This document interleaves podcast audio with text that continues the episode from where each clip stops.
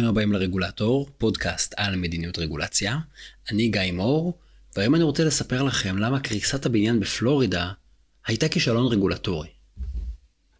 לפני חודש בערך קרס בניין דירות ברמת גן. בנס לא היו הרוגים. עדיין מוקדם לומר מה גרם לאירוע הרגע הזה ברמת גן, ולא התעמקתי בחקירות, אבל המקרה הזה הזכיר לי אירוע חמור בהרבה שהתרחש לפני שלושה חודשים בפלורידה בארצות הברית, ועליו התפרסם הרבה יותר מידע. ביוני 2021 קרס בניין דירות בין 12 קומות במיאמי שבפלורידה. באסון הזה נספו כ-100 בני אדם, שהבית שלהם פשוט קרס עליהם ומחץ אותם למוות. איך יכול להיות שבמדינה מערבית כמו ארצות הברית, ועוד בפלורידה, שנחשבת לחלק יחסית מפותח שלה, קורה כזה אסון? הרי כשאנחנו חושבים על מדינות מתקדמות, אנחנו חושבים על ארצות הברית ואנחנו מצפים לרמה גבוהה בכל מיני דברים, גם בסטנדרטים ובאיכות הבנייה ובהקפדה על סטנדרטים הנדסיים. לפלורידה ולמדינות אחרות בארצות הברית יש רגולציות בנושא, כמובן, כי יש רגולציה לכל דבר, וכשאנחנו בוחנים את הרגולציה אנחנו מגלים שהאסון הזה נבע מכשל רגולטורי. שיהיה ברור, זה לא אומר שבעלי הבניין ובעלי המקצוע חפים מאחריות. אבל כמו שתכף תראו, הרגולטורים עסקו בנושא הזה, והם נכשלו שוב ושוב. נתחיל בדוח ההנדסי. בשנת 2008, כבר מזמן, עבר בפלורידה חוק שחייב בעלים של בנייני דירות עם יותר משלוש קומות לבצע בדיקה הנדסית כל חמש שנים. נשמע טוב נכון? אבל החוק הזה בוטל אחרי שנתיים בעקבות לחץ של בעלי הדירות והבניינים, ולכן הרבה מאוד מבנים בכלל לא עוברים בדיקה הנדסית תקופתית. אבל כן הייתה רגולציה על הבניין הזה הספציפי, כי במקרה הזה המזל היה שהבניין היה ישן. החוק במיאמי מחייב את בעלי הדירות לבצע בדיקה הנדסית רק למבנים בני יותר מ-40 שנים. וזה המקרה של המבנה הזה. ולכן בשנת 2018, רק לפני שלוש שנים, נערכה בדיקה הנדסית למבנה הדירות. המהנדס חתם על דוח מאוד מפורט שהזהיר מפני פגמים הנדסיים משמעותיים במבנה. למשל, הוא אמר שיש סדקים בעמודי התמיכה המרכזיים, והדוח גם הסביר אילו תיקונים הכרחי לבצע. נשמע, נשמע פתור, נכון? הנה, גילינו את הכשלים כבר לפני שלוש שנים. רק שיש פרצה אחת קטנה. לפי החוק, גם כשיש חובה לבצע בדיקה לבניינים הישנים, בעלי הבניינים לא מחויבים לתקן את הבעיות שמתגלות. וזה כמובן גורם לכם לטעות מה שווה בדיקה, אם לא מתקנים את הליקויים, ועל מי אנחנו עובדים פה בכלל. אבל גם במקרה הזה היה לנו מזל, שוב. בגלל שהבניין הספציפי הזה נמצא במחוז מעיין מדייד, חלה עליו רגולציה ספציפית, ייחודית, שמחייבת תיקון של ליקויים הנדסיים וחשמליים תוך 150 ימים מרגע שהם מתגלים. זאת אומרת, תוך חמישה חודשים. אז הנה, נכון, פתרנו את הבעיה. לפני שלוש שנים נעשתה הביקורת, יצא דוח, תוך חמישה, שישה חודשים היה צריך לתקן את זה, העניין פתור, נכון? אז הנה הכישלון הנוסף. הרגולטור המקומי פשוט לא אכף את ההוראה הזאת. זאת אומרת, עד שיש לנו בניין שנופל החריג שחייב לעשות אה, בדיקה הנדסית. והוא גם במקרה נופל החריג שצריך לתקן את הליקויים בבדיקה ההנדסית, אז הרגולטור לא אוכף את זה. וככה יצא שלמרות שיש דוח הנדסי חמור, אף אחד לא עשה כלום. לא הבעלי הבניין ולא הרגולטור. אם בעלי הדירות לא מבצעים תיקון שנדרש, הרגולטור בפלורידה יכול להכריז שמדובר במבנה מסוכן. הוא יכול להורות להם לבצע תיקונים, הוא יכול להורות גם לפנות אותו מהדיירים ולאסור כניסה לאותו מבנה. אגב, זה מה שקרה אצלנו ברמת גן, ככה בדיוק ניצלו חיים. אם תרצו אגב, כנסו לאתר רגולטור אונליין, תראו שם דוגמאות לחוקי עזר מקומיים בישראל, שנותנים לרשויות המקומיות סמכות לעשות את זה. רק שהמנגנון הזה לא עבד בפלורידה. לרגולטור הייתה סמכות לעשות את זה, הוא לא הפעיל אותה. והבניין קרס בערך שלוש שנים אחרי שיצא הדוח ההנדסי החמור. כולם פשוט המשיכו להתגורר בבניין הזה. אז עד עכשיו ראינו שלושה כשלים בזירה הרגולטורית. קודם כל יש לנו חוק כללי שלא מחייב לבצע בדיקות הנדסיות. דבר שני, החוק הכללי גם לא מחייב לתקן את הליקויים אם מתגלים. ודבר שלישי, גם כשיש חובה לבצע בדיקה ולתקן את הליקויים, הרגולטור לא טרח לאכוף אותה. ומה שווה חוק שלא אוכפים אותו? כולנו מבינים שמעט מאוד. עכשיו תשאלו אותי, מה לגבי האחריות של בעלי הדירות? זאת שאלה מצוינת. וגם פה יש מין פלונטר כזה שהוא לא מפורק עד הסוף. רגולציה בפלורידה קובעת שוועד הבית של הבניין אחראי לזהות ולנהל את הסיכונים למבנה. וזה גם כולל את הסמכות לקבל החלטה לגבי אופן הטיפול בסיכונים. עכשיו צריך להגיד, זאת משימה כבדה ומורכבת, במיוחד כשמדובר על בניינים גבוהים וגדולים. ומי יושב בוועד? גדול, בעלי דירות שעושים את זה בהתנדבות, ממש כמו בישראל. ולפי החוק אין תנאי סף בשביל להיות חברים בוועד הבניין. לא צריך השכלה ניהולית, או הנדסית, או פיננסית, ולא צריך איזושהי הכשרה מיוחדת. במילים אחרות, יש פה אחריות ויש פה סמכות, אבל, אבל אין את הכלים, אין הכשרה, אין דרישה לידע או לניסיון. ופה מתחילה המלכודת, כי לוועד הבית ולבעלי הבניין יש סמכות לקבל החלטות בהצבעה. והם יכולים להחליט לא לבצע תיקונים, או פשוט לדחות את מועד ביצוע התיקון לעתיד הרחוק. וזה אגב יכול לקרות גם אם מדובר בליקויים שמסכנים את חיי הדיירים.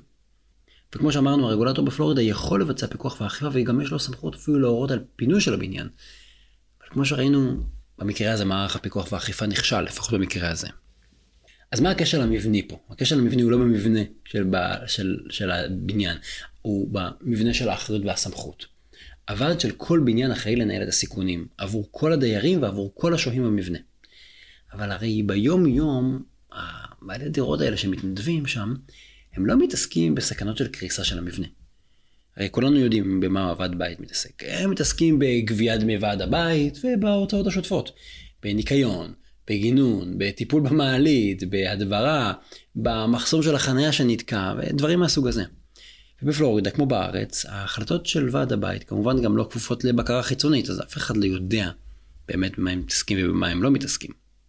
וכאן יש, אנחנו רואים שיש משהו די מוזר בעיניי. מצד אחד הפעילות של ועד הבית כמעט לא כפופה לרגולציה. זאת אומרת, הם יכולים לקבל כל החלטה שהם רוצים, הם לא שואלים אף אחד, אף אחד לא יודע מזה בכלל. יכול להיות שהדיירים אפילו לא מודעים לסכנה שבבניין. וזה כמובן מאוד הגיוני כשהם מדברים על תחומים כמו ניקיון של חדר המדרגות, אבל לא בטוח שזה הגיוני אם אנחנו עוסקים בסיכון הנדסי לקריסת בניין. וזה אגב, הרי תחום שהמדינה כן קבעה בו רגולציה. אמרנו, הסמכות להוציא צו הכרזה על מבנה מסוכן, לסגור אותו, לרוקן אותו מדיירים. הקשר למבני זה שיש פה חוסר קוהרנטיות. מצד אחד, יש רגולציה, ורגולציה כבדה על הנושא של יציבות ובטיחות מבנים. גם בשלב הבנייה וגם אחר כך שהבניין עומד, אפשר לסגור אותו ולפנות את כולם. אבל מצד שני, יש לנו גורם שאחראי שהמבנים האלה יהיו יציבים ובטוחים, ועד הבית, הוא לא צריך שום הכשרה ואין שום בקרה עליו. זה כאילו לא החלטנו מה אנחנו רוצים, אנחנו רוצים שיהיה על הדבר הזה רגולציה, או רוצים שלא תהיה על זה רגולציה. יש פה מין חצי חצי כזה, והחצי החצי הזה לא משתלב. וזה הכשל הרביעי. יש פה כשל מבני בתפקיד של ועד הבית, במשולש הזה של אחריות, סמכות וכלים. ושוב, יכול להיות שאנחנו מחליטים שלא צריכה להיות רגולציה בכלל, אבל לא החלטנו את זה. מצד אחד יש פה רגולציה, מצד שני יש חורים די גדולים ברגולציה הזאת. אז איך זה קרה בעצם? ויותר חשוב, מה אפשר לעשות קדימה, כדי שלא יקרו כאלה מקרים? תראו, בישראל ובארצות הברית המצב קצת שונה, אבל מה שבעיניי מאוד צורם זה שבארצות הברית יש היסטוריה מאוד ארוכה של יזמים ושל משקיעי נדל"ן שמתנגדים להצעות של רגולציה בתחום. כמובן שהם חוששים שרגולציה כזאת גם תעכב את קצב הבנייה וגם תייקר אותה.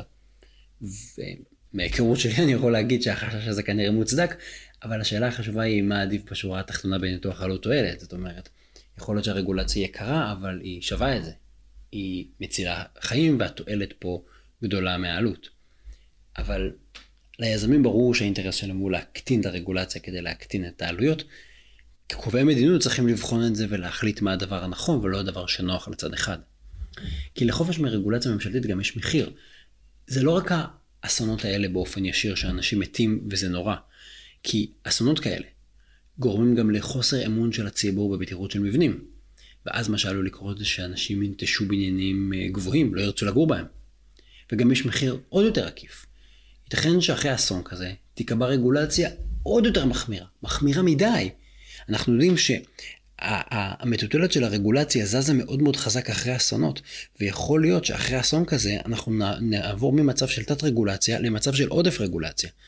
זאת אומרת, עדיף לנו לקבוע בשגרה, בקור רוח, רגולציה סבירה ומידתית, מאשר להיות בתת רגולציה עד שיש אסון ואז פתאום מגיבים ביתר ומייצרים רגולציה עודפת ומפלצתית שלא צריך אותה והיא מזיקה אפילו. צריך לחשוב על זה ולנסות להדחיק את הרגולציה ולהגיד לא צריך, לא צריך, לא צריך, עד שפתאום זה מתפוצץ ואז יש לנו עודף רגולציה, זה גם לא תרחיש כל כך טוב. גם קרה אסון וגם אחר כך כן סובלים מעודף מאוד גדול של רגולציה. אין ספק שהאחריות לאסון בפלורידה היא קודם כל של הסקטור הפרטי. אני מאוד מאוד מתמקד פה בקשר הרגולטורי כי אנחנו עוסקים בפודקאסט הזה במדיניות ציבורית, אבל צריך לומר, בעלי הבניין הם אחראים לתחזק אותו כדי שהוא יהיה בטוח.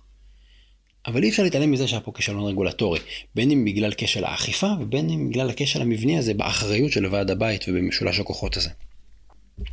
ואולי תגידו לי שהסיכון הזה לקריסת מבנה הוא סיכון נדיר. זה אף פעם כמעט לא קורה. ולכן תגידו שזה לא מצדיק רגולציה ובטח לא מערך פיקוח ממשלתי ובירוקרטיה כזאת. אז תראו, התשובה שלי שאנחנו צריכים לעבוד בצורה מסודרת. אם נבחן את הנתונים ונמצא שהתועלת לא מצדיקה את העלות. אני מסכים, המסקנה צריכה להיות לביטול או שינוי או הפחתה של הרגולציה. זה, זה מוסכם. אבל רגולציה שקובעים אותה בלי אכיפה היא לא הפתרון. לא יכול להיות, יש רגולציה שאומרת שצריך לעשות ניתוח הנדסי, שצריך לתקן את הליקויים, שלרגולטור יש סמכות לסגור את הבניין, ושלא עושים עם זה כלום. זאת לא אופציה מבחינתי. וזה הכשל הכי גדול של הרגולטור פה.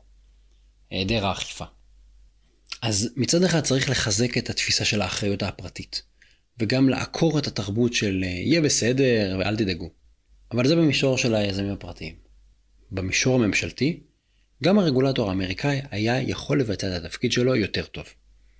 חוסר תפקוד של מערך הפיקוח והאכיפה צורם בעיניי לא פחות מההתנהלות של ועד הבית ושל בעלי הדירות של הבניין שקרס. תודה שהאזנתם לעוד פרק של הרגולטור, אני גיא מור. תודה לעומר קרן על עריכת הסאונד. אתם מוזמנים להיכנס לאתר האינטרנט רגולטור.אונליין, יש שם לינקים למקורות ששימשו אותי בכתיבת הפרק הזה, וגם לינקים לפרקים ופוסטים קודמים. התכנים משקפים את דעותיי בלבד,